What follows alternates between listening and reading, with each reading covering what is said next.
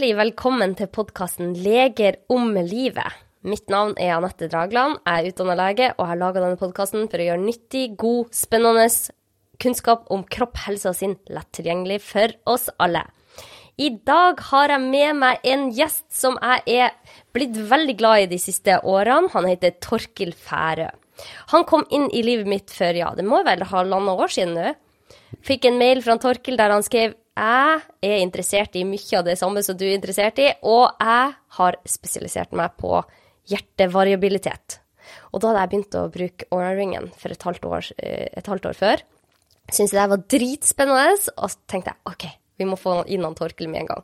Og siden så har vi spilt inn flere episoder, vi har gjort mye rart i lag, Torkel. Og du har jo levd i en sånn virvelvind av nye ting det siste året. Du har kommet ut med en bok som heter Pulskuren som har vært på bestselgerlista i hvor mange uker? 39 uker. 39 uker! Mm. Mest, en av de mest solgte bøkene i 39 uker i Norge. Mm. Og nå kommer den ut på engelsk. Mm. Det er helt rått.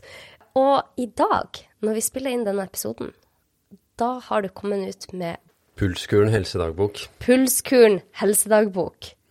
Det er rått. Ja, det er gøy. Og den 16. oktober så kommer han Torkil ut med Da skal vi ha bokbad.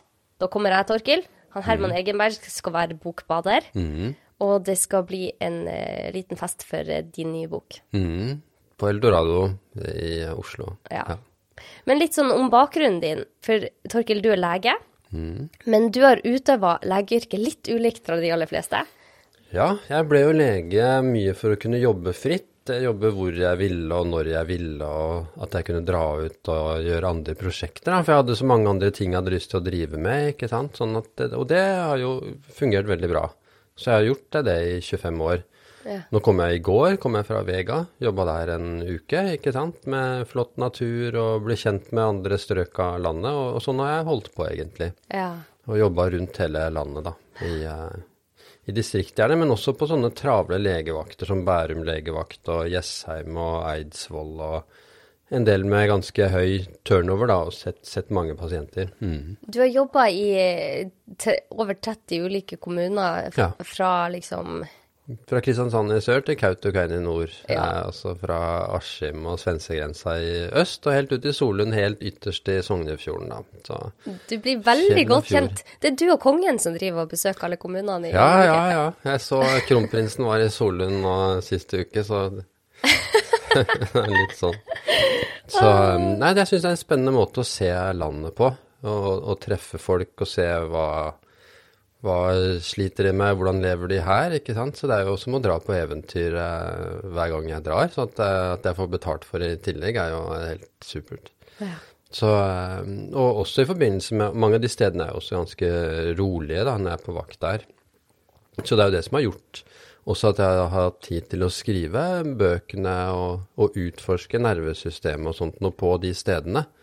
Hvor det er såpass rolig, hvor jeg har hatt kontroll over de forskjellige variablene. Mm.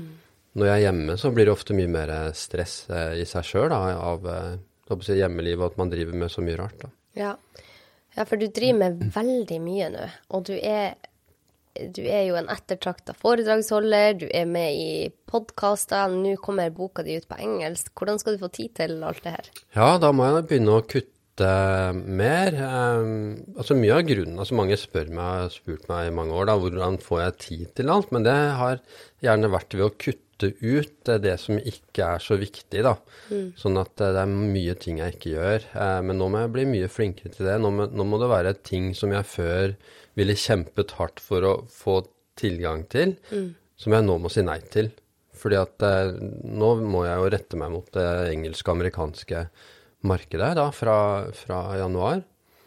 Og klart at da er det en del eh, ting jeg ikke kan være med på pga. tidshensyn. da. For det, det, er jo ikke så ofte at du får sånne sjanser til å få boka di gitt ut på et stort engelsk forlag som skal ut i England, Irland, Australia og USA. Ah, det er så, sånn jeg blir så det, glad. Da må jeg bare være på ballen, liksom. Sånn da, ja. Da frigjør jeg jo, da. Og siden jeg er i en sånn fri stilling, så frigjør jeg egentlig hele neste år. Mm til å promotere The Pulse Cure. Mm. Og thepulsecure.com. For at pulskuren.no, ikke sant, hvor vi nå har godt over 2500 medlemmer, den eh, er jo laget egentlig for å bli pulsecure.com. Okay. Eh, og og det, det skal den være da 1.1, ikke sant? Eller begynnelsen av januar, så skal den være også tilrettelagt for internasjonale medlemmer. Så, så, så der kommer det til å skje mye spennende, tenker jeg. Og det jeg syns er så artig, er jo at dette med å gå og måle hjertevariabiliteten Vi må snakke kort om hva det er for de som ikke har hørt tidligere episoder. Men det har blitt så mye mer populært de siste årene. Og din bok er en av de aller få, om kanskje den eneste. er fortsatt den eneste som vi kjenner til, og det er derfor forlaget kjøpte den med en gang. De fikk høre om den, og sa at den skal ut ikke om halvannet år, som er den vanlige tempo for bøker som blir oversatt fra norsk, men den skal ut om tre måneder. Ja. Nå. Vi må ha det uten Og, og grunnen til at hun oppfattet det, den redaktøren, som sikkert var en av tusen redaktører som si, skjønte hva dette her dreier seg om, er at hun nylig hadde skaffet seg et Whoop-bånd. Ja. Og dermed så skjønte hun hva dette her var, og, og verdien av det, og at det å komme ut med den første boka på området, det, det skjønte de med en gang. Jeg får veldig mange spørsmål når vi bare, du nevnte Whoop, jeg får veldig veldig mange spørsmål etter at du har, vært, du har vært gjest hos meg tidligere, om hvordan gadget man skal måle hjertevariabiliteten med. Og det er jo De er litt ulike, de forskjellige. Ja. Hva, hva bruker du selv? Ja, jeg bruker alle tre, holdt jeg på å si. Jeg bruker eh, Garmin, Oraring og Whoop-bånd. Um, vi kan jo si, du sa hva er dette med hjerteratevariabilitet, sa du Ja. at vi skulle si først. Ja. Og det, det som er eh, med det, eh, det er at når du er i avslappet modus og puster inn, så vil hjertet raske på litt for å utnytte at eh, lungene er fulle av oksygen. Og når du puster ut, så vil hjertet slappe av bitte litt i millisekunder for å, å spare litt på kreftene når det ikke er så mye å hente da, fra, fra lungene. Og disse forandringene i millisekunder er det disse apparatene fanger opp gjennom å måle pulsen vår. da. Det er liksom prinsippet. Og det, så dermed så klarer du å se hvor stressa er du, og er du, er du, har du en passe balanse. Vi skal stresse, ikke sant. Vi skal arbeide, vi skal utfordre oss, vi skal eh, gjøre harde ting. Men vi må også være tilstrekkelig med tid i avslappet modus for at dette regnestykket skal gå opp, da. Og det regnestykket, på en måte, det er det disse apparatene driver med. De gir deg et regnestykke hver eh, morgen, gjør jo da spesielt Ora og Goop, på åssen Hvor godt er du restituert, eh, hvilken kapasitet har du i dag til å anstrenge deg. Og, og Goop vil gi deg liksom et eh, grønt, grønt tall på en måte hvis du er godt restituert, og et rødt tall hvis du er dårlig, og gult da midt imellom. Og en eller annen prosentandel, da. Og, og samme vil um, orda gjøre. Gi deg en readiness-tall og et sleep-tall. Det gjør også Whoop. Altså de, de skiller mellom readiness og sleep. Altså du kan godt ha sovet godt, f.eks., og være dårlig restituert, og motsatt. Ja. Så det er to forskjellige verdier eh, de, de bruker, da. Og så har du Garmin, som da er gullstandarden, vil jeg si, fordi at den lar deg se gjennom døgnet i øyeblikket, stressnivået, og gjennom body battery-systemet som de har kjøpt opp fra Firstbeat, så, så får du et veldig godt handlingsrettet tall da, som gjør at du klarer å se ok, det var mellom klokka ett og to at jeg var så stressa. Ikke sant? Det er det som gjorde forskjellen. Eh, og, mens de andre ikke klarer å skille det, da. Nei, nettopp. Så, så derfor bruker jeg alle tre, for at alle tre har sine fordeler og ulemper. Eh, Orda er veldig god på søvn, vurdere søvnfaser. Eh, mens Whoop er veldig god på å innhente informasjon og tygge på det og gi deg ukentlige og månedlige rapporter. Men hvorfor skal man måle det her, Torkil? Nei, det er jo fordi at vi skal klare å få en optimal stressbalanse. Sånn at eh, Og, og hvis man er dårlig Altså, denne dårlige stressbalansen er jo årsak til veldig mange av de sykdommene og symptomene vi behandler i helsevesenet. Sånn at blant disse mm, MUPS-ene, medisinsk uforklarlige plager og sykdommer, de er det veldig mange, er mitt inntrykk, som har sin basis i en elendig stressbalanse. Sånn at de som sliter med det, har jo kjempenytte av det. Og, er måte de, og de er de største fansene, de som sier at de har blitt friske i løpet av en, to, to måneder og, og så Og jeg får meldinger hver dag. Også, men i tillegg så har de jo de som ønsker å bli bedre, og som har det bra. Og, og det er jo jeg, ikke sant. Jeg har jo aldri vært sjuk. Altså jeg har hatt eh, tarmslyng og, og røket korsbåndet på en måte, men jeg har aldri vært sjuk, eh, sånn sett. Eh, men ønsker å bli bedre, ha en større kapasitet, få til mer. At, at jeg ikke er sliten etter det jeg gjør. At jeg ikke, før så kunne jeg være sliten veldig ofte, ikke sant. Um, men da snuste jeg jo og røyka og veide 20 kilo mer og trente aldri, ikke sant. Da, da var det ikke og, og, drakk alkohol. Og da var det ikke uvanlig at jeg var sigen.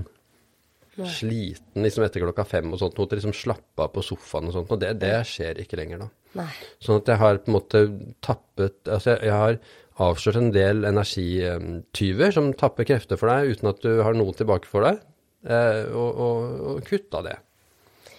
Eh, og det er det som er så interessant da med å måle de her eh, greiene. At man får et innblikk i hvordan man lever. Jeg husker når jeg første, eh, første gang begynte å bruke armen, så så du på den, og så sa jeg Shit, se Torkel, hvor mye stress jeg har på dagen. Og du sa ja, det visste vi jo.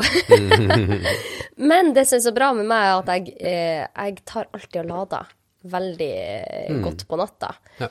Så for min del, jeg er jo heller veld, veldig sjelden syk. Jeg har masse energi i løpet av mm. dagen. Mm. Så for min del så går det bra. Men hvis jeg begynner å sove dårlig, så har ikke jeg muligheten til å leve et så hektisk liv på dagen. Mm. Ja. Og det er veldig greit å Du får litt sånn Hva det er du sier, at du får en sånn fartsmåler? Ja, det er som å ha en fartsmåler på håndleddet mm. som sier hvor fort eh, Når skal du bremse ned, og når kan du gasse på? og Vi skal gasse på, vi skal eh, Også hvis noen ser de kurvene mine som jeg legger ut på eh, Instagram, ikke sant, nesten hver dag, da så ser jeg at jeg har ikke noe spesielt eh, Jeg er jo ofte i stressmodus, ikke sant. Men jeg har nok en bra kapasitet. Så jeg er nok vant til å kjøre en høy fart, da. Så, men særlig nå med alt det, den virvelvinden, tornadoen som jeg på en måte er inne i, med alt rundt pulskuren, så må jeg virkelig holde begge hendene på rattet og girspaken og klare å bremse og gasse veldig må, må ta veldig mye mer kontroll over det. Ja enn ellers, da. Før så hadde jeg jo kontroll over hva som eh, skjedde, på en måte. Da var det jeg som bestemte eh, hva som skulle skje, men nå, i og med suksessen til Pulskuren, så har ikke jeg lenger samme grad av kontroll over dagene, da. Det liksom eh, Det renner inn henvendelser fra, fra fjern og nær, og, mm. og, det å tenke at jeg en dag skal gjøre det jeg har planlagt å gjøre, det, det, det skjer ikke lenger. Men eh, blir det stress for folk? Nei, det, de eneste som sier blir ikke bare stress, og det er det vanligste spørsmålet ja, jeg får, ja. er, da, da, vet jeg at ikke de har brukt, brukt eh, systemene. Ja. For, for, at det og det er lett å tenke seg at folk liksom ah, nå har jeg hørt på podkasten og ble lurt til å kjøpe en eller annen klokke, og det blei bare stress og takk skal du ha, liksom. Det har jeg ikke hørt noen ting av, ikke sant. Nei. Det ville man jo tenke seg, det ville jo folk sagt fra at dette blei faktisk bare stress. Men det, det gjør ikke. Eh, folk ser nok at de har en mye større grad av kontroll, og så syns de nok at det er mye morsommere også. Mm. Ja, det er jo nesten som at du er en slags eh, gamifisert uh, du, du, du, spiller nesten med deg selv, ikke sant? Hvor du er din egen uh, helt, da. ikke sant? Ja, også det som jeg, jeg syns er veldig godt, i hvert fall for min egen del, at det viser jo at kroppen tåler mye. Vi hmm. tåler mm. å stresse litt, vi ja. tåler å kjøre på, vi tåler å jobbe godt. Og så er det selvfølgelig en terskel der, men den får vi ganske eh, raskt beskjed om. Mm. Eh, mens tidligere så har jeg liksom gått rundt og tenkt jeg burde kanskje roe litt ned, jeg har litt for mange prosjekter. Nå tenker jeg jeg er good to go, dette går helt fint. Fordi mm. at jeg, jeg merker at eh, jeg har masse energi. Jeg, klarer, jeg har klart å luke ut de tingene som har tatt veldig mye energi fra meg. Og det er det er veldig, veldig nyttig. Men jeg har noen som skriver til meg og sier at de syns det er litt stress, og da, jeg, da, anbefaler jeg det selv kvinner, ikke sant. Så når jeg sover dårlig, så sjekker jeg aldri søvnskålen min før på kvelden. Mm. Fordi at jeg vil gjerne sjekke den for å se hva er det hva var det som gjorde at jeg sov så dårlig, så tenker jeg over dagen før. Men hvis jeg sjekker det på morgenen, og så står det på min Aura-ring du har sovet veldig lite, du har lite remsøvn, så du vil føle deg mindre kreativ og mindre oppmerksom, kanskje. Mm. Det har ikke jeg lyst til å vite. Det er jo mm. ingen grunn til at jeg skal få en nocebo-effekt av det. Så det sjekker jeg ikke. Så det er veldig godt råd til dere som merker at dere blir litt stressa av det. Bare dropp å sjekke det. Mm. Ja. Ja. for da, da, vet du at det er uh, dårlig den dagen. Men det, det har du reserver til å takle, da. Ja, det har Ikke sant? Sånn at den, det er det som er problemet også, at reservetanken vår, den fysiologiske reservetanken, er så ekstremt svær At du kan være langt nedi og liksom bare leve på eh, dieseldampen, liksom, og, og, og likevel fungere, da. Eh, sånn at du vet plutselig ikke når det er slutt på kreftene, da. Men, men hvis man har noenlunde bra Altså det er over hvis det tar lang tid, hvis du er sliten på den måten over lang tid, sover dårlig over lang tid, det er det som er problemet. Ikke den enkelte dagen eller noe sånt. Det klarer man å mobilisere krefter og bite tenna litt sammen og Ja, og det er helt vanlig å sove dårlig noen dager i uka. Ja, ja, ja. Det er helt vanlig.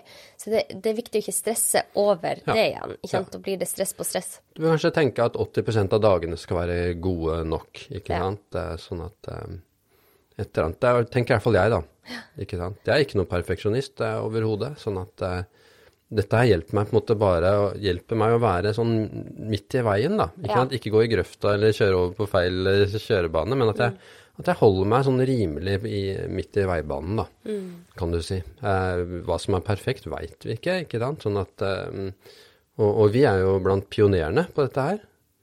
Vi er jo de første, vi er, Det er som å komme til et nytt eh, kontinent og være de første som er der og beveger seg rundt og ser hva, hva fins det her, liksom. Ja, tenk Eh, på og- masse man ikke vet ennå. Masse man ikke vet, og, og for hvert svar vi finner, så dukker det opp nye spørsmål.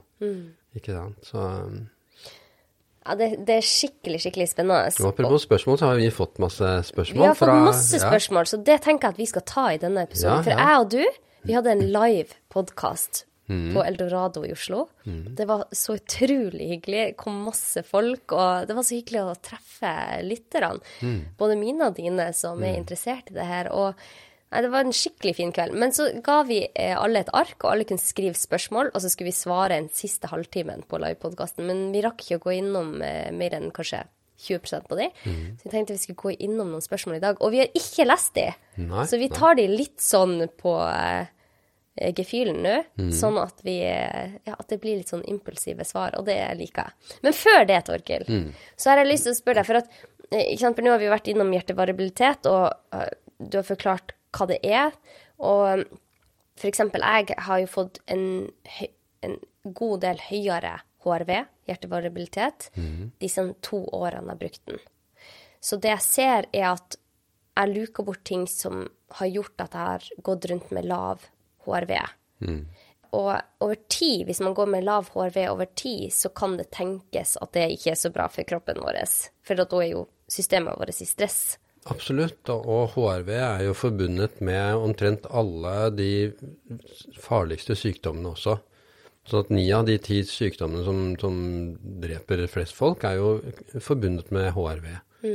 Så det gjelder kreft og, kreft og hjertesykdommer og slag og diabetes og demens og parkinson og, og ja, nesten hva. Det, det er nesten sånn at det vil være lettere å det, det er nesten umulig å finne sykdommer som ikke har eh, sammenheng med HRV. Så at en, en lav HRV tyder på et overbelastet, en overbelastet fysiologi som disponerer for en hel rekke av livsstilssykdommer. Veldig mange som spør hva er, hva er snittet, hva, hva bør jeg ligge på? Det, det varierer nok. Jeg vil tenke at så lenge man er på 30 og oppover, så vil jeg tenke basert på det jeg mottar av informasjon, så vil det være bra nok. Men og det er jo så individuelt, for det er jo noen som ligger på 90. Så hvis de har 30 over tid, så er det jo noe som ikke Ja. fungerer. Derfor så skal du sammenligne med din egen HRV og ikke med andres, for at det er en stor genetisk komponent i det. Sånn at en som har en HRV på 50 er ikke nødvendigvis noe friskere enn en på 30. Ja, Så det kommer litt an på startpunktet ditt, på en måte. Sånn at eh, man bør sammenligne med seg selv. Man bør f.eks. da ta en helt rolig helg, en slags ideell helg, kan du si, med noen turer og ta det med ro og lese og sånt, og så se hva blir HRV-en da. Da vet du på en måte ok, men det klarer jeg å få til, ikke sant. Se til de beste mm, dagene, og så da har du en slags eh, mållinje, da. Ja, og det jeg tenker er at man kan jo navigere ut ifra disse tallene, og man lærer en god del om seg selv. Det høres kanskje for noen som ikke har målt det nå, at det kan bli stress, men for min del så, så er det Jeg bruker noen minutter om dagen på å gjøre Det det er, her. det er som når du kjører bil, ikke sant. Så sitter du og kjører bil, og du sjekker når det er 70-sone. Ja, der gikk jeg ned til 70, jeg lå i 85, liksom. Og, Ja. og, og, så du, etter hvert så blir det like naturlig som du gjør det når du, når du kjører bil og følger med på alle signalene du mottar. Eh, sånn at eh, det viser seg å ikke være noe særlig problem. Også, men for noen så viser det seg jo at deres stressnivå er helt, helt på tur. ja. Men da er det en realitetsorientering som de da må velge å, å enten ta hensyn til og, og gjøre noe med, eller håper jeg, prøve å, å glemme det. Dette er jo et verktøy for de som ønsker å forandre seg hvis de finner ut at de trenger det. De som ikke vil forandre seg, eh, selv om de eh, finner ut at de er ute på tur, de, dette er jo ikke verktøyet for dem. For de fins. Ja, nettopp. Men det som jeg syns er interessant, er at man kan navigere seg etter det og lære av det. Og jeg har jo lært veldig mange ting om min kropp. F.eks. at hvis jeg spiser etter klokka seks, så kan det ha en innvirkning på min dype søvn. Veldig ofte, faktisk. Ja. Eh, Så jeg slutter å spise etter seks-syv. Og da får jeg Jeg kan få 20-30 minutter mer dyp søvn. Og det er veldig signifikant for min, eh, min søvn. Og dette er jo bare en anekdote. Så dette det er sånn i mitt liv. Det trenger ikke være sånn i ditt liv. Men ofte så kan det være litt vanskelig å vite hva er det som gjør det, hva er det som gjør det. Og nå har du skrevet en eh, ny bok som heter Pulskuren helsedagbok, der man kan skrive ned forskjellige ting man gjør i løpet av dagen, sånn kjapt. Hvorfor, hvorfor tenker du at det er nødvendig? Det er nødvendig fordi vi har så utrolig dårlig hukommelse. Ja. Så vi klarer ikke å huske hva skjedde for to-tre uker siden, når det, det var gode tall. Hva gjorde jeg da? Hva gjorde jeg for en måned siden det var dårlige tall? ikke sant? Sånn at de som trener, er jo vant til å skrive treningsdagbøker og klarer å se at oi, der var jeg i toppform. ikke sant? Hva gjorde jeg før det? Ok, men da skal jeg teste det igjen og se om jeg kan mm, få toppformen flere ganger. Men det er jo ikke vi- er vant til, og pasienter er ikke vant til det. Og det finnes faktisk ikke noen annen helsedagbok, eh, utrolig nok. Eh, og det som er eh, For det er jo sagt at eh, selv den dårligste blyanten er bedre enn den beste hukommelsen. Ja. Ikke sant? For vi, vi husker så dårlig, alle sammen. Og eh, dermed så er det et verktøy sånn at du kan skrive ned verdiene dine som du får av klokka, eller ringen, eller hva det skulle være. Og så sammenholder du det med, med hvordan du har det, hvordan du opplever ting. Når du da På morgenen så gir du da Det er beregnet at du skal ha fem minutter på morgenen. Hvor du skriver ned og planlegger dagen ut ifra hva verdiene var. Så at hvis du hadde eksempel sovet dårlig, hadde dårlige verdier, ok, så burde du kanskje vurdere skal du kutte ut den treningsøkta eller redusere den. Skal du droppe den og den aktiviteten og kanskje legge inn en pusteøvelse eller en eh, yogaaktivitet istedenfor den løpeturen du hadde tenkt, ikke sant, for eksempel. Og på slutten av dagen så sjekker du inn igjen før du legger deg, ikke sant. Eh, Og så skriver du åssen gikk denne dagen, hvordan følte du deg, hvilke symptomer hadde du, hvilket overskudd eh, føler du at du har, ikke sant, og, og hvil- hvilket bodybattery har du hatt da, gjennom dagen.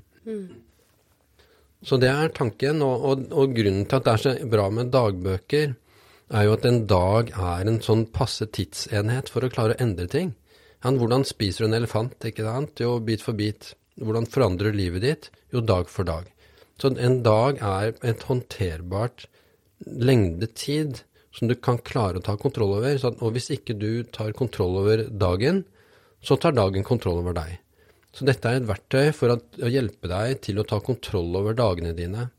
Og der er det en sånn Hvis du tar litt bedre kontroll over dagen din, så betyr det kanskje ikke så mye den dagen eller neste dag eller, eller um, en uke eller kanskje en måned. Men over tid så er det det som gjør hele forskjellen. Og det viser seg jo at hvis du skal Jeg har alltid vært interessert i um, hvem er det som får til ting? Hvem er det som lykkes? Og da ser du, hvis du følger dem, så ser du at de noterer. De skriver. um, De er skrivende folk. Så bare det å skrive har eh, å notere og reflektere i seg selv, det å bruke litt tid på det hver dag, har veldig mye å si. Både for velvære og graden av å få til ting, da. Og det å få til ting er jeg veldig opptatt av. da. For du skriver i bok om vaner. Ja. Så det er en vanedannende bok. Sånn at, sånn at eh, du, du skal danne vaner. Du skal eh, Det er delt inn i fireukersperioder. Så ett år da er delt inn i 13 fireukersperioder. Med hvert sitt fokus, f.eks. søvn, stress, bevegelse, hvile, øh, kost osv. Så, videre. så på hver fireukersperiode så skal du innføre en ny vane. Jeg kommer med fire forslag, og så kan du komme med ditt eget forslag. Og så tester du ut det i en måned, og så ser du hvordan fungerer dette her. Slik at det er en strukturert måte å innarbeide nye vaner på. Så, og, og, det er også litt uh, informasjon om ok, hva er en vane, hvordan endrer man vaner, hvordan um, bryter man uvaner osv. Ja, hvordan gjør man det?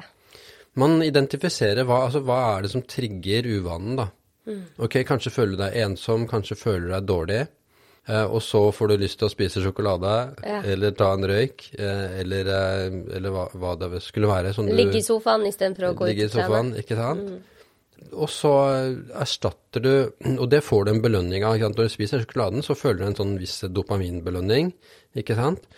Så poenget er å erstatte den. Så når du kjenner igjen at nå føler jeg meg dårlig, nå føler jeg meg ensom, så er, kjenner du igjen den følelsen, og så setter du inn et annet middel i stedet for, som gir en grad av den samme belønningen.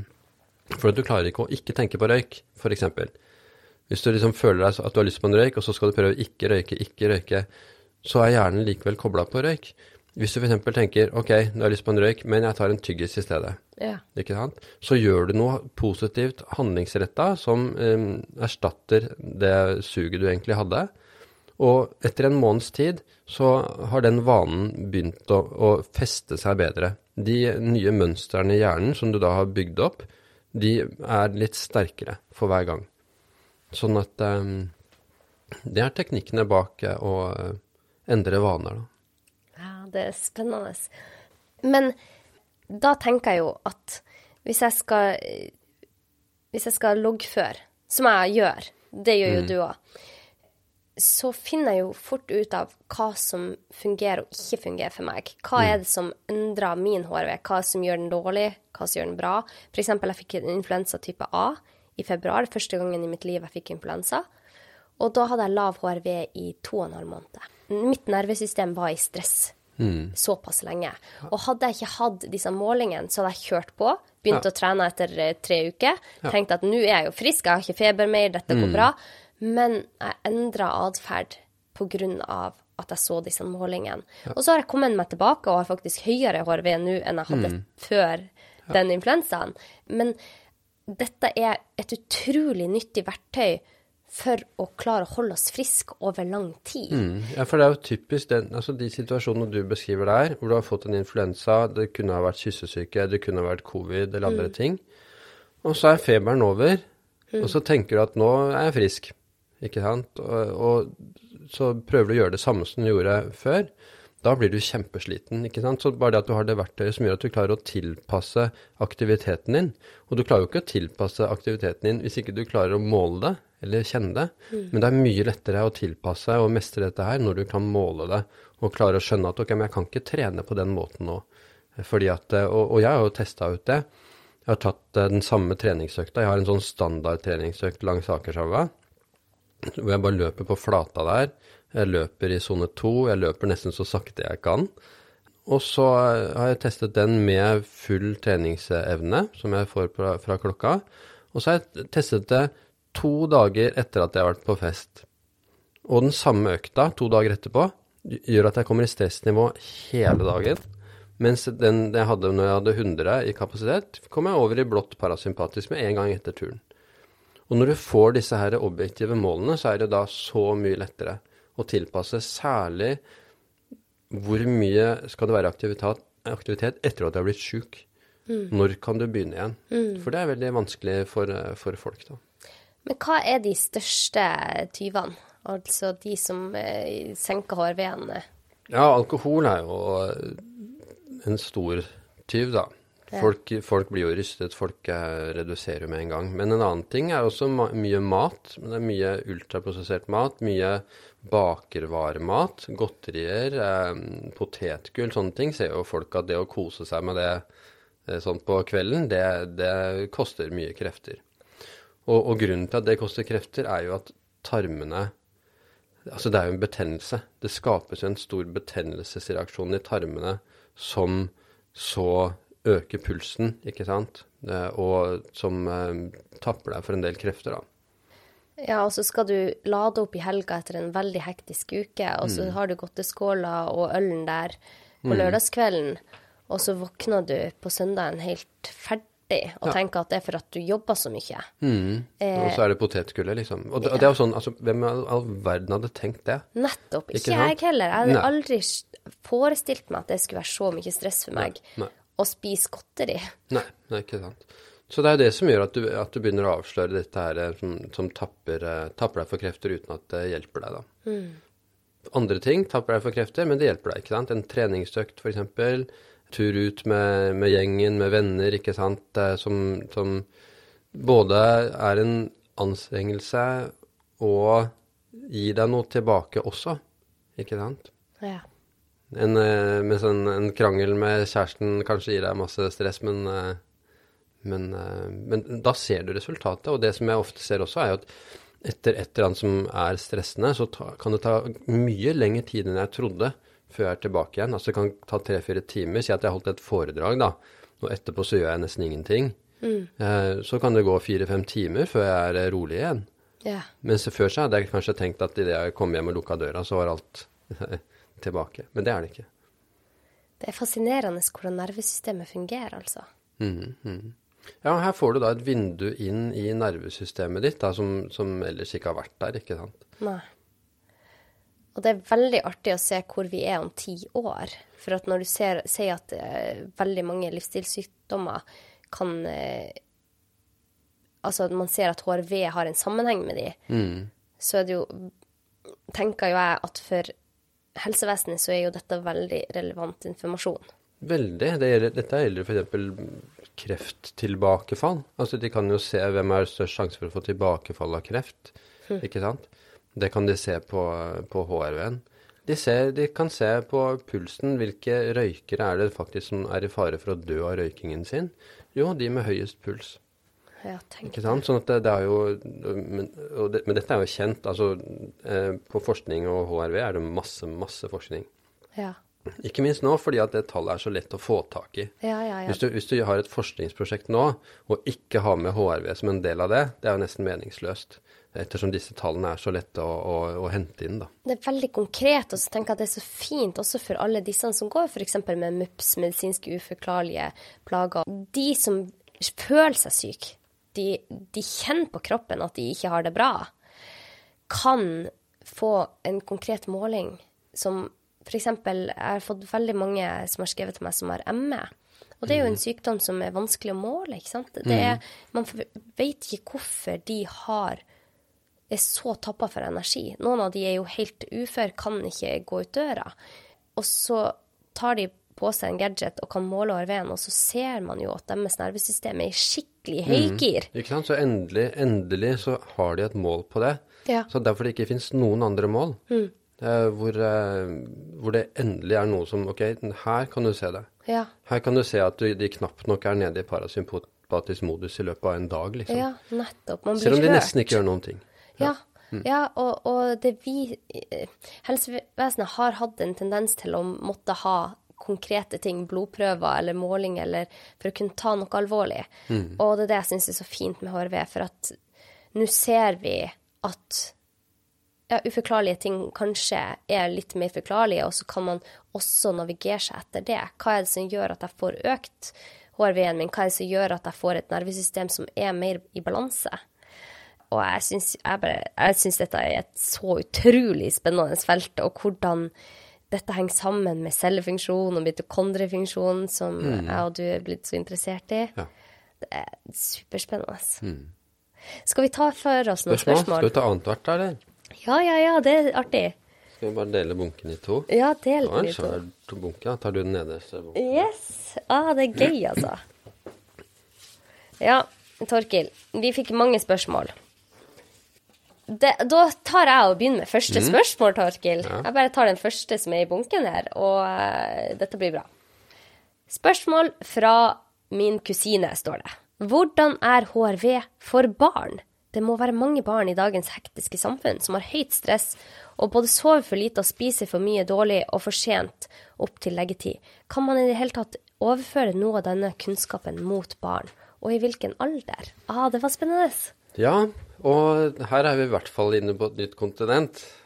Her er vi liksom inne på Antarktis, holdt jeg på å si. Her er vi inne på Antarktis. Ja, og, um, og det er det jo selvfølgelig lite tall på. Men eh, jeg er ganske sikker på at hvis man bruker målerne på barna, så vil man få mye nyttig informasjon.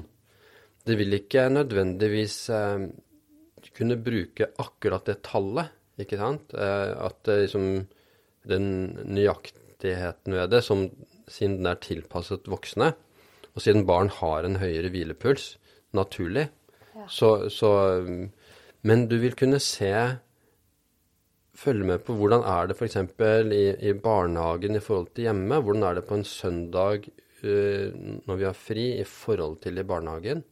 Uh, sånn at du vil kunne se mønstre, da. Som du kanskje i større grad må tolke selv. Uh, og jeg får jo mange meldinger f.eks. fra folk som har hatt målerne på 10-11-åringer, og ser at skolehverdagen kan være kjempestressende. Ja. Ikke sant? Og, og, um, og ungdommer osv. Så videre. sånn at da på barn så vil jeg tenke at da lønner det seg å bruke um, egen vurdering og se disse forskjellene mer.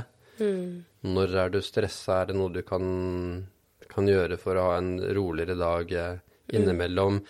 Er barna mer irritable en dag? Har det noe har det sammenheng med hvor slitne de har vært i barnehagen den dagen? Ikke sant?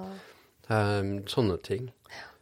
Sånn Jeg bare tenker på det du gjorde med eh, dine barn, da. Eller Mm. når, da var du jo begynt å bli voksen. Men jeg syns det var en utrolig fin måte å få ungdommen bevisst, da. Ja. For de fikk hver sin sin Garmin-klokke. Mm. Og så fikk de Var det poengsystemet, Ja, eller? sønnen, sønnen min, da, som ikke er så veldig glad i å å si, sove og liker å game, så når han hadde 80 eh, i body battery på morgenen, så fikk han eh, en viss eh, pengesum, da, ikke sant. Eh, så det, det Og det hjalp jo han til på en måte å komme ovenpå, da. Da hadde han noe å tjene på å sove godt, ikke sant. Ja, ja, ja. Og, og, og dette er jo gjerne penger som du uansett ville fått til et eller annet, Ja, ikke sant. Så Så er det liksom enda bedre at du fikk det etter å ha gjort en eller annen anstrengelse òg, da. Ikke sant. Og bare tenk å gi barna den erfaringa så tidlig, den ungdommen da. Ja, At de får, får en god følelse av å gjøre noe bra for seg selv. Mm. Det er fantastisk. Og vi vet jo at ungdommer i Norge sover i snitt seks og en halv time. Mm. I snitt i hverdagen. De trenger opp mot ni timer. Ti timer, noen av de. Mm. Ja. Så bare det å kunne gi de glede og mestring ved å gjøre noe bra for seg selv, åh, det jeg liker det så godt. Ja, og, og kunne, kunne se at dere på skolen eller på uh, universitet eller videregående, hva som helst, så er de så og så stressa i løpet av dagen. Ja. Og så klare å, å få teknikker for å regulere det. Kanskje trenger de å drikke mer vann. Kanskje trenger de å droppe den batterydrikken eller Red Bull-drikken, ikke sant. Kanskje trenger de å, å ta av seg litt. F.eks. her vi sitter nå hvor det er litt kjølig, så ser jeg på pulsen at det er kjempefint. Ja. Ikke sant? Kanskje så, så har de noen hacks som gjør at de kan bevare kreftene bedre i løpet av skoledagen, og sånn sett være bedre eh, rustet til å lære. Ikke sant? Ja, ja. For når vi er stressa, så, så er ikke koblingen mellom pannebarken og hukommelsessenteret like god, rett og slett. Sånn at um, vi trenger å, å være i modus for å lære, da.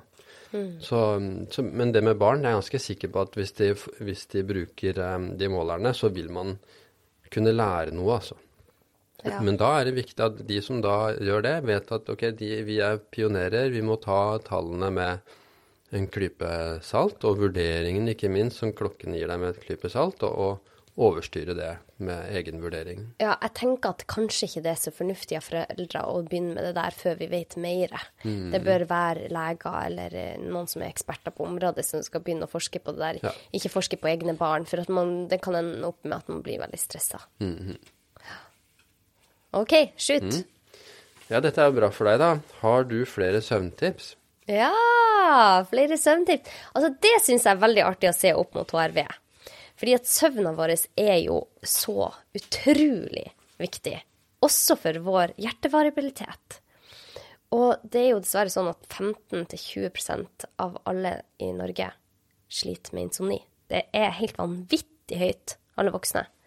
Og blant unge kvinner så er det så mye som én av tre som har såpass mange dårlige netter i uka over såpass lang tid at de går under eh, diagnosekriteriet insomni. Og jeg tenker, når vi vet at det er så mye vi kan gjøre for å få god søvn, så er det jo så viktig bare innføre de få tiltakene, eller bare få kunnskapen, da. Men den kunnskapen er ikke der ute. Sånn som det med koffein. ikke sant? At koffein, det har jeg sagt flere ganger i podkasten, men jeg må bare si det en gang til. Koffein den tar plassen til noe som heter adenosin i hjernen din. Adenosin er noe som hoper seg opp, et eh, stoff som hoper seg opp i hjernen fra du våkner, og som gjør deg trøtt utpå kvelden. Men når du drikker koffein, eller kaffe eller noe med koffein i, så tar den plassen til adenosin, som gjør at du ikke føler deg trøtt, og som ofte gjør at du ikke får til å sovne eller legge deg senere, for du føler deg ikke trøtt. Og mange tenker ja, ja, men jeg drikker jo kaffe senest klokka fem. Men det er greit å vite at halveringstida på kaffe er fire til seks timer. Så det vil si at hvis du drikker en kaffe klokka fem, så kan du ha halvparten av koffeinet i blodet ditt klokka elleve når du skal sovne. Og kanskje være en stor bidragsyter til at ikke du får skjøv. Men det er jo koffein i veldig mye annet. Det er koffein i mørk sjokolade. Det er nesten en kaffekopp med, i, i en plate mørk sjokolade. Det er koffein i grønn te, eh, sort te, og ikke minst alle de sånn eh, leskedrikkene, ikke sant. Batterydrikkene.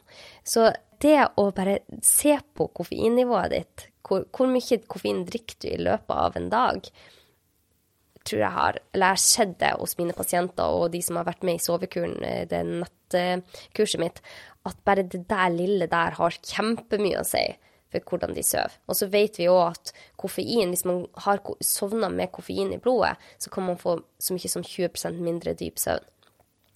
Men så har jo jeg forska på dette over lang tid på meg selv, og det er jo anekdoter, men jeg ser at min Jeg får mindre dyp søvn hvis jeg spiser mye rett opp mot leggetid. Særlig karbohydrater. Hvis jeg har svingende blodsukker når jeg legger meg, så får jeg mindre dyp søvn, dårligere kvalitet på søvna. Og det har jeg sett en del studier nå som viser. Så vi begynner å få mer og mer innblikk i det. Og det ser jo du for at du har hatt på blodsukkermåler. Ja. Det ville du ikke sett hvis ikke du For det er også, jeg har også brukt blodsukkermåler. Ja. Og sammen med det stresset, så, så overraskende hvor lenge det varer. Men f.eks. blodsukkersvingningen etter et pizza, f.eks. Å spise tre stykker pizza, sånn helt vanlig det man spiser, Ja. kan vare i seks-sju timer. Ja, ja, ja. Langt inn i natta. Hos meg òg. Ja, ja. Det er helt vanvittig at jeg kan ha Og så får jeg gjerne sånn dupp, og så Og eh, så en stor går topp igjen. Og så et stort Ja. hopp igjen, for at kroppen klarer ikke å regulere blodsukkeret. Det blir så mye på så kort tid. Altså, det verste jeg, jeg spiste i løpet Jeg målte det jo i en måned, jeg skal måle det i en måned til nå, eh, var glutenfrie pannekaker. Mm. maismel. Altså, jeg hadde et blodsukker på eh, over ti. Det bør ikke være for meg, min del, gå over syv og en halv. Over Altså, jeg tror det var over åtte timer det svingte etter den toppen. Og den natta så hadde jeg veldig lite dyp søvn. Og så så jeg det over tid, ikke sant. Man må se det, for én gang har jo ikke noe å si. Men hvis du ser det 30 ganger på rad, så er det jo en sammenheng der. Og så er vi jo så ulike der. Og man blir sliten av det. ikke sant? Nå har jeg akkurat eh, brukt blodsukkermåler for å teste ut litt i forbindelse med noen foredrag jeg skal holde. Ja. Og bare det å, å spise for, Og da måtte jeg spise mange måltider for å få opp blodsukkeret for å kunne teste ut ting. Det er slitsomt. Altså, du blir sliten av det. Ja, å ha blodsukkertopper. Ja, ja, ja. ja, ja. For du gjorde jo noe med knekkebrød brunost, var det ikke Ja, det? jeg fant et sånt standardmåltid da med fem knekkebrød med brunost, da, som jeg sannsynligvis aldri kommer til å spise igjen. Men, uh, men uh, for å finne en kurve som jeg kunne bruke da, til å teste ut ulike ting som med grønnsaker og med, med kjøtt og proteiner i tillegg, med å gå tur eller trene etterpå, sånne ting da, som jeg kunne teste ut. Så. Ja, men hva så du? Hva påvirka? For at du spiste samme måltid, Altså så så Samme måltidet. det Så var det å spise eksempel sånne spinatblader, da, Ja. som du får kjøpt på butikken eh, først, det hjalp veldig. Det er liksom flatet det nesten helt ut. Det å trene vekter etterpå. eh, Jeg trener jo vekter hjemme med manualer og sånt, og det flata også veldig ut. Hæ.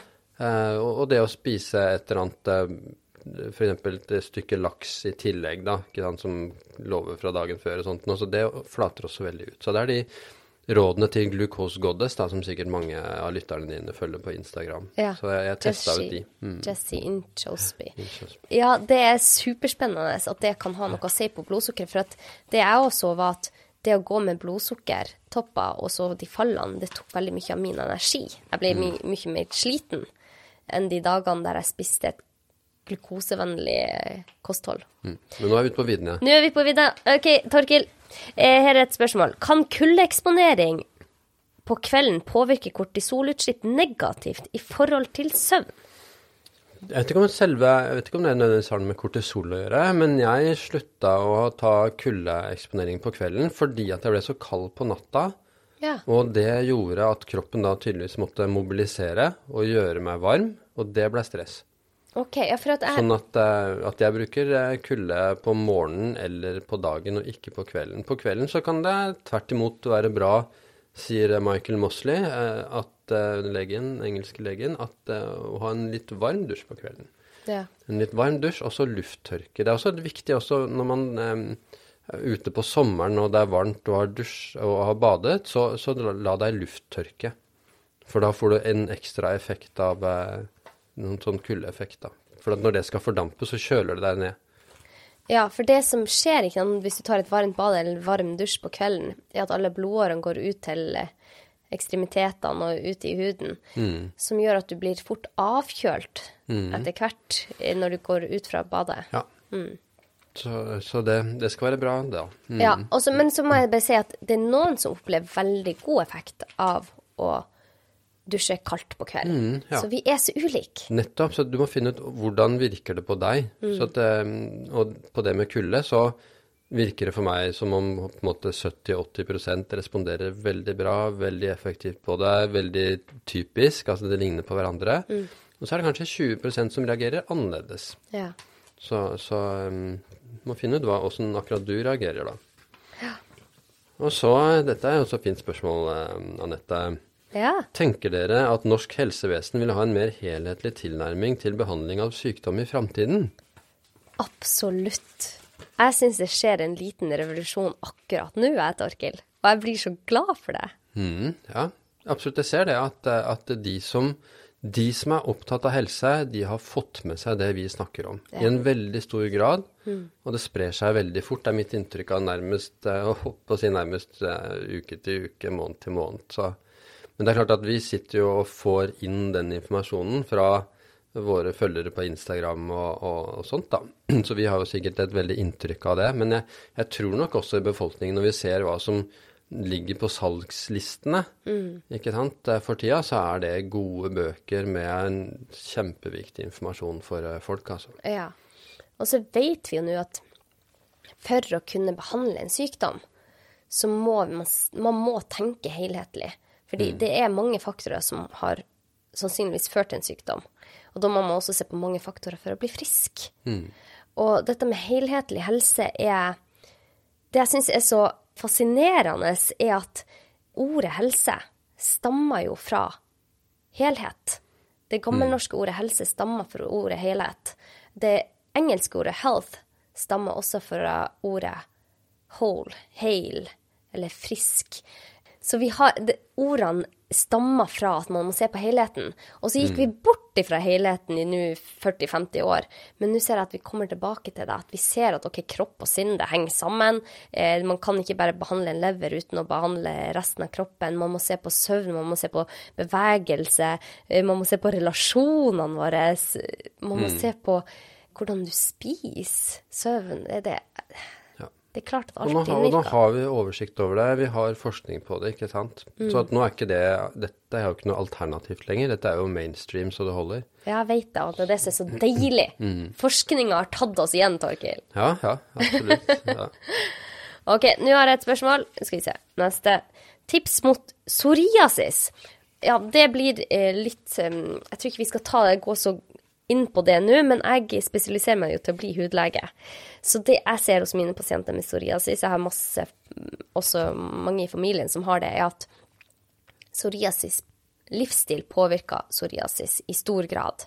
Så hvis du har det, hvis du har en hudsykdom, så ta og og, og se litt på, eksperimentere litt selv. Hva er det som Hvis jeg er mye stressa, hvis jeg spiser dårlig, hvordan påvirker det min hudlidelse? Det er egentlig Det stemmer for alle lidelser. Sjekk ut. Kjøp Torkel sin bok og begynn å kartlegge. Hva er det jeg gjør hver dag, og hvordan påvirker det psoriasisen min eller de andre lidelsene mine? du får ganske raskt et innblikk, og du ser plutselig koblinger mot når du får større utbrudd eller ikke. Og det er jo den helsedagboka så bra på. ikke sant? For mm. hvis du da har psoriasis, så du, er det en eget felt for symptomgrad. Og da skriver du da ikke sant, ok, jeg var 8-10, og så kan du få de tallene inn da i løpet av en måned. Og så kan du føre det inn på slutten i en sånn helårskurve, og da kan du se at ok, de månedene, den måneden var det mye bedre. Ok, hva gjorde jeg da? Mm. Så da klarer du kanskje å avsløre det. Akkurat som en toppidrettsutøver klarer å finne prikke inn toppformen, så klarer du å prikke inn uh, psoriasisformen på en måte ja, ja, ja. Med, med, det, da. Og så selvfølgelig gå til en hudlege hvis du sliter veldig, og få behandling samtidig. Mm.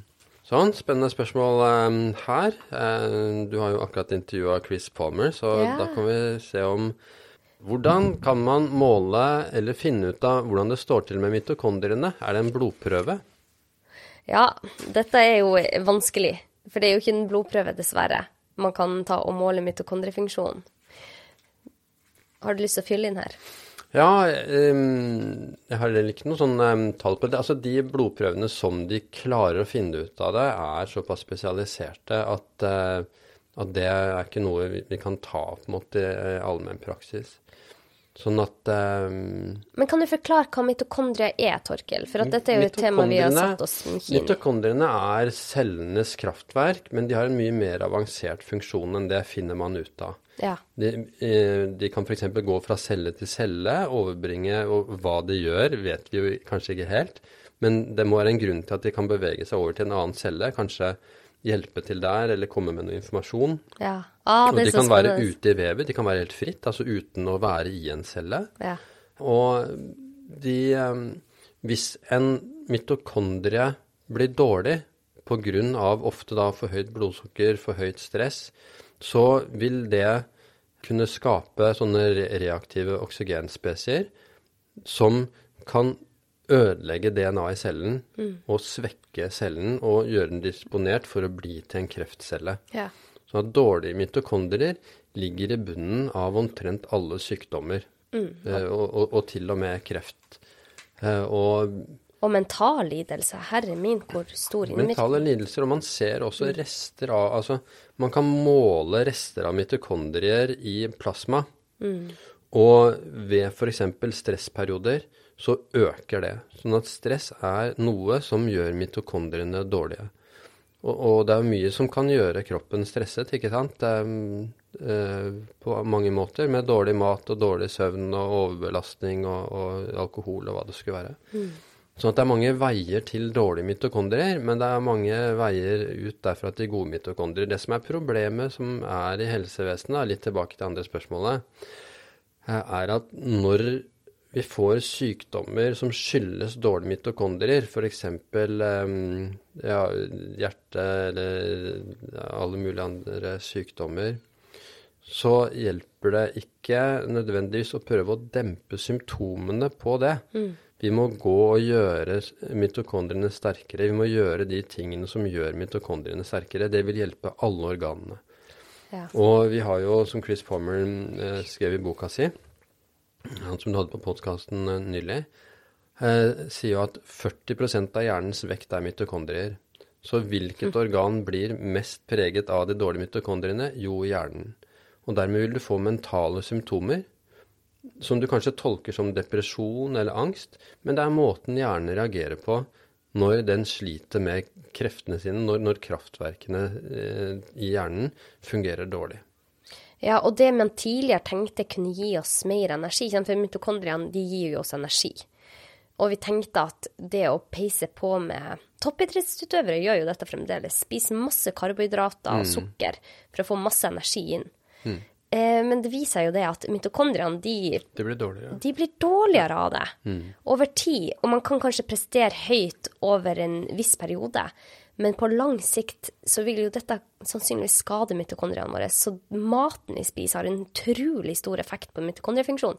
Men det som jeg òg syns er så spennende, er jo at For vi er jo bare Vi er laga av celler. Vi er nesten 40 trillioner celler som utgjør oss. Og inni cellene våre så har vi disse mitokondriene som viser å være så utrolig viktig for at vi lever sunne og friske liv. Men det jeg syns er så spennende, er at mitokondriene våre blir ikke bare påvirka hvordan du sover og hvordan du spiser. Men det blir påvirka om du har en mening med livet, og om du føler eh, at du har gode relasjoner. Ja. Alt påvirker mitokondriene våre. Og, og dette her vet vi jo som leger. Fordi at når du har en pasient som har funnet meningen sin med livet, som er drevet av noe, så ser du ikke dem så ofte. Nei. Ikke sant? Fordi at de er friskere. Altså det har så utrolig mye å si. Det som japanerne kaller ikigai, det å vite hva du skal, hva, hva som er målet. Og det er også i Pulskuren helsedagbok. Så starter du jo med å finne målet. Hvorfor gjør du det? Hva er det du ønsker å få til? Fordi at hvis du ønsker å forandre seg, så må du vite hvor du skal. Du må vite hvor du er, og så må du vite hvor du skal. Og først da, når du har motivasjonen til det, da er du i posisjon til å forandre deg, da. Nettopp. så det er superviktige ting å, å vite om. Så mitokondria, det kommer dere til å høre masse om fremover. og- Mitokondria er en av revolusjonene, Ja. de nye revolusjonene innen helse. Ja, ja, ja. Det er så Åh, det er så spennende. OK, Torkil, vi tar et siste spørsmål. Er økning i blodsukkernivået avhengig av hva man spiser, eller har også hvor mye man spiser noe å si? Så det kan vi jo si litt om, da. Mm. Ja. Ehm, absolutt. Hvor mye du spiser har eh, noe å si, men kanskje enda mer hva eh, jeg spiser, liksom. Jeg har inntrykk eh, av um, særlig bakervarer. Altså, det er noen grunnting som spiller inn. Ja. For det første så kan stress spille inn. Så det har ganske mye å si. Så det jeg spiser når jeg er stressa, om jeg spiser akkurat det samme måltidet, den, disse her uh, forferdelige knekkebrødene med brunost, da.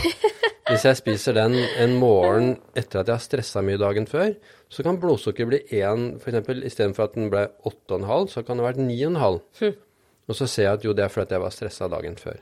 Det. Så, så det har en del å si. Søvn har en del å si Ja, ja. på blodsukkermålet. Kanskje via at du er mer stressa da. Og, så er det, og så er det maten. Og så kommer det an på hva har du spist før. Så hvis, det er, hvis du spiser på tom mage, så vil noe som inneholder mye karbohydrater, skape en mye sterkere blodsukkerstigning. Og det er derfor at det å spise karbohydrater til frokost, sånn som det er i disse frokostblandingene, er jo virkelig ikke bra.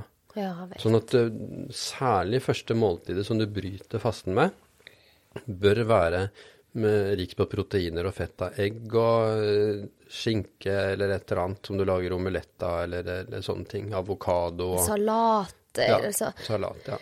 Og det der du sier der er så utrolig viktig, fordi at vi nordmenn, og sikkert i hele vestlig verden, starter ofte vårt første måltid etter en faste, som jo det er når du ikke har spist eh, på åtte timer, f.eks. Starter vi ofte med karbohydrater. Vi starter med frokostblanding, eller brødskive med brunost, eller syltetøy, eller havregrynsgrøt uten noe fett i. Ja. Og det jeg så, var at hvis jeg spiste en Hvis jeg spiste f.eks. brød med syltetøy, så var mitt blodsukker mer enn fiendtlig resten av dagen. Hvis jeg starta med det. Ja.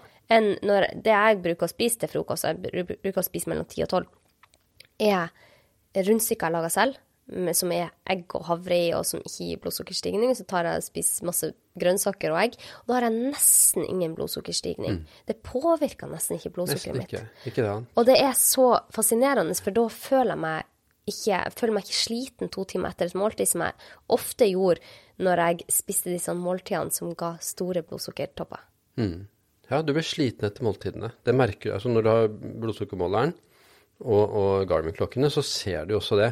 At etter en måltid så er du sliten og føler deg slapp. Og du hadde ikke trengt å gjøre det, for hadde du spist salat med egg i stedet, så hadde du ikke vært det. Ja. Det er jo det som er så interessant å, å finne ut av. Og når jeg skulle finne en grunn til at jeg brukte knekkebrød på dette mm, standardmåltidet mitt, var at jeg prøvde først med brødskiver. Men det lagde altså en sånn svingstangrunde i timevis etterpå, og det kunne jeg ikke eh, bruke. Nei, for at det for- dagen ble- din. Ja, det, det ble for slitsomt, rett og slett. Tenk å spise, spise brødskiver. Så, eh, sånn at, eh, og det er jo det som liksom er standardmåltidet til hele landet, ikke sant? Ja. Sånn at um, Jeg liker så godt Hvem er det som sier det? Det er en av de legene som sier sånn Start dagen med middagen. og det, det er noe i det der. ja. Eh, starte dagen med proteiner Ja, og fett. proteiner og fett, ja. Ikke sant? Som også er det som hjertet helst vil ha som brennstoff. Mm. Ikke sant? Um, Det er ketoner og, og fett um, som det ønsker, da. Altså Mm. ikke proteiner, men, men fett og ketoner. Det er det hjertet har som favorittbrennstoff, da. Så um, i hvert fall så um, Spørsmålet var jo hva vi spiser av. Så det um, Jeg vil kanskje si at det er um, mer hva vi spiser enn mengden, fikk jeg litt inntrykk av av det jeg spiste. At, at uh, om jeg spiste to brødskiver eller tre eller fire, så kom den stigningen holdt å si, eh, av hva det var, mer enn mengden. Ja, altså var mitt inntrykk. ja, ja, ja. Og jeg ser det at hvis jeg spiser et kjempestort måltid som har nok proteiner og fett i seg, så vil ikke det ha så mye større innvirkning enn hvis jeg spiste halvparten. Fordi at den blodsukkertoppen, den, den kommer så akutt og så fort hvis du spiser et måltid med bare raske karbohydrater eller ultraprosessert mat. Og jeg bare tenker med skrekk hvor mange år jeg starta dagen min med ei brødskive med syltetøy eller brødskive med brunost, mm. og hvor sliten man blir av det. Jeg hadde aldri i hele mitt liv tenkt at det skulle ha så mye å si for mitt energinivå resten av dagen. Nei.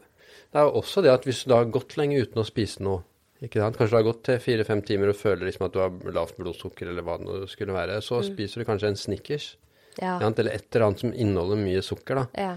Så går det, fyker det rett opp igjen, og så går det opp og ned. Så, så problemet er ofte den, etter at du har spist det, så går det veldig fort ned. Og det er en ubehagelig, eh, det kjennes ubehagelig for kroppen, denne, Ja. lave, denne blodsukkersenkningen Ja. som går så fort. Ja. Og, og selvfølgelig cola er jo enda verre. Cola, for eksempel å drikke en sånn brus med sukker, det gir jo en sånn kjemperask effekt, og så kjemperaskt ned igjen. Og, og ofte så går det lavere ned enn det var. Så det kan eksempel gå ned til, der hvor du kanskje starta på 5,5 i blodsukker, da, så har det gått opp til 10-11, og så går det ned kanskje til 4 og 3,5 og sånt. ja. Og da føler man seg veldig Føler man seg, føler man seg dårlig, og så Ja. tenker man nå kan jeg drikke enda mer cola, eller, eller spise enda litt eh, søtt, da. Mm. Ikke sant? Og så har du det gående. Så har du en sånn svingstang gjennom dagen. Hva har vært det viktigste for deg å endre på etter du starta å måle dette med glukosemåling? Nei, det har nok vært eh, med å, mer grønnsaker, eh, egentlig. Det å endre litt på rekkefølgen. Eksempel så testa jeg ut Fjordland, da. vet jeg jo Fjordland når jeg er ute i distriktet og sånt nå. Ja. Så spiste jeg elgkarbonader. Ja. Og det er da elgkarbonader med potetstappe. Ja. Og dermed så bare endra jeg på det. Så først så spiste jeg potetstappa, Ja. og så elgkarbonadene. Ja. Kjempehøyt blodsukker. Okay. Ikke sant? Det tror jeg var 9,5 eller noe nå. Og så gjør jeg motsatt. Spiste elgkarbonadene først, og så potetstappa. Nesten helt fint. Nei. Kanskje det var sju eller noe sånt nå. Nei, er det Så sant? dette med å, å regulere litt på, på mengden, ikke sant, det er hva du spiser først, så, så um, rekkefølgen Igjen, det, er glucose goddess-tipsene. Motstandere mener jo at vi tar fra folk matgleden. Hva mener du om det, Torkil? Nei, det kan jeg ikke skjønne, fordi at um, det, som de, eh, det som de luker ut eh, mest, er jo eh, Altså kanskje tar folk eh, fra litt den eh, bakevaregleden, da. Du får ikke så lyst på kanelboller, det kan jo være. Men, eh, men eh, ellers så eh, er det jo Altså det er jo masse Glucose Goddess kaller jo savory breakfast, altså smakfull frokost. Altså at du spiser salat, egg, avokado, altså ting som det er mye smaker i. Ja. Sånn at eh, Men jeg vil ikke si det. Så, eh, det fins veldig gode alternativer eh, som ikke Som smaker godt, og som er god mat, og som ikke kjører eh, karusell med blodsukker ditt. Nei, og som er bra for kroppen vår. For det er jo det vi alle ønsker. Vi ønsker jo alle å ha masse energi. Og jeg ser bare på mitt energinivå i dag mot det det var for ti år siden, og det er enorm forskjell. Jeg var jo også sånn som da jeg var kjempesliten i totida, jeg. Åh, da kunne jeg jeg kunne ha sovna på- stående på jobb. Eh, og det var jo ofte etter lunsjen. Nå har jeg jo Altså, jeg, jeg sjekka på årringen min i fjor. Jeg sov middagshvil kanskje fem ganger, for at jeg har ikke behov for det. Og det er jo det vi alle ønsker. Vi ønsker å leve liv der vi får energi til å gjøre det vi ønsker å gjøre. Ja, for det er det som er viktig, at vi snakker jo om helse, men helse er jo ikke mål i seg selv. Helse er bare det grunnlaget vi trenger for å leve det livet vi ønsker. Mm. Og gjøre det som er ikigai, altså gjøre det som vi vil. Ja. Og så er det så trist å se som lege at helsa står i veien for så mange. De får ikke gjort så mye. De er daffe, de er tunge på både, både fysisk og, og håper å si, i, i tilstanden sin. da. Og, og får ikke utnytta livet sitt. Mm. Og, og blir ender med å gå fra spesialist til spesialist og nye medisiner og Nei, så at jeg er opptatt av at vi skal ha god nok helse, god nok til å leve lenge nok, eh, og kunne gjøre det vi vil uten å være begrensa at vi blir slitne og, og sjuke, da. Mm. Ja, det er det som er målet. Mm. Det handler ikke om å makse helsa vår og liksom bli best på alt. Det er så viktig. Nei, altså hvis vi, hvis vi bruker liksom tre-fire timer om dagen på helse, Ja. og ikke vet hvorfor vi skal ha den, da er man på villspor, da. ja. Da kaster du bare bort tid, og så liksom går du i graven, og så liksom Jo, han hadde god helse. Du skal jo helst ha gjort mye spennende, da. Ja, ja, nettopp. Og, og vi trenger vi trenger ungdommen som kommer nå med friskt mot og gode ideer. Og jeg tenker bare at det å kunne få endra litt på hvordan vi i Norge og i Vesten lever Hvis vi får ungdommer som er friske og raske og har masse energi, så er det så bra for samfunnet, også oss voksne, ikke sant, enn at veldig veldig mange av oss går rundt og er sliten og halvsyk og ikke føler seg bra og blir mer irritabel. Og det gjør noe med samfunnet. Vi trenger, vi trenger oss alle, for vi alle har en grunn til at vi er på denne jorda. Og eh, kan man få oppleve det? eh, Det å gå rundt med en helse som spiller på lag med deg, da. Man kan ha sykdommer, men også ha god helse. Og det, det er jeg veldig opptatt av å si til pasientene mine at ja, du har den og den sykdommen, men 99% av det fungerer kjempebra. Vi må finne ut av hvordan du kan leve godt med de, eller kanskje faktisk gjøre, det, gjøre de sykdommene mindre fremtredende i ditt liv. De aller fleste av oss kan gå rundt og ha det bra. Det er jeg hellig overbevist om. Ja, og så gleder jeg meg altså til da på 16. oktober, når Herman eh, Egenberg og jeg skal snakke om eh, motivasjon og vaner og hvordan man skal forandre seg. Ja. Det gleder jeg meg til å, å snakke om da. Så Jeg gleder meg også veldig. Hvor er det? det er på Eldorado. Klokka 18. Dørene åpnes eh, 17.30. Ja. Så der eh, er alle hjertelig velkomne. Jeg skal holde et foredrag da om helsedagboka, sånn kort på ca. 20 minutter. Det er hvor jeg forteller om det, hvordan man bruker den osv., hvordan man endrer vaner. Og så skal Herman også ha foredrag om motiverende intervju. Ja. Om hvordan man finner motivasjon. Og så skal vi snakke om hvordan disse gode vanene og små skritt i riktig retning er det som gjelder, da.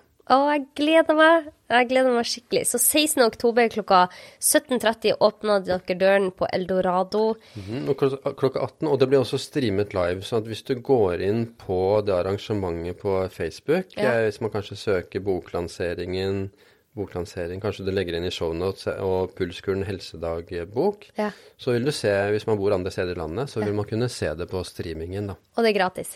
Det er gratis. Jeg gleder meg. Jeg gleder meg skikkelig. Det har vært en utrolig hyggelig prat, Torkil, som det alltid er med deg. Mm, takk det samme. Jeg er så spent på alt det du driver på med. Jeg syns det er så artig å følge deg, Torkil. Og det at vi får ut den kunnskapen din på engelsk nå, det er Åh, jeg blir så glad inni meg. Mm, det blir spennende. Ja, det blir skikkelig spennende. Så da tenker jeg at hvis denne episoden var til nytte, og du tenker at det er viktig informasjon til noen du er glad i, eller eh, som du tenker hadde hatt glede av å kunne dette, send den til dem. Og eh, med det må, Og må jeg spørre deg, hvor kan mine lyttere nå deg? Ja, på Dr. Torkil, både på Facebook og Instagram. Så er jeg der. Også på pulskuren.no, da, hvor det nå er da godt over 2500 eh, medlemmer, og hvor man kan være med på workshoper, og man kan følge med på Arilds helsereise, altså vår driftssjef da, som akkurat har begynt med Garmin-klokke. Ja. Og hvor vi har Zoom-møter på ca. en halvtimes episoder, hvor, hvor jeg liksom går gjennom hans eh, målinger, og, og, og det er veldig nyttig Eh, For da kan man se hvordan jeg tenker, og hvordan du gjør det i praksis, da. Ja. Gjennom hans eh, helsereise. Kult. Ok, da vet dere hvor dere finner han. Og har dere noen spørsmål til meg, så skriv under på kommentarfeltet på Facebook og Instagram på Dr. Anette Dragland. Og ja, med det så sier jeg takk for i dag. Jeg håper, vi håper at du får en kjempefin dag. Ha det godt. Ha det bra.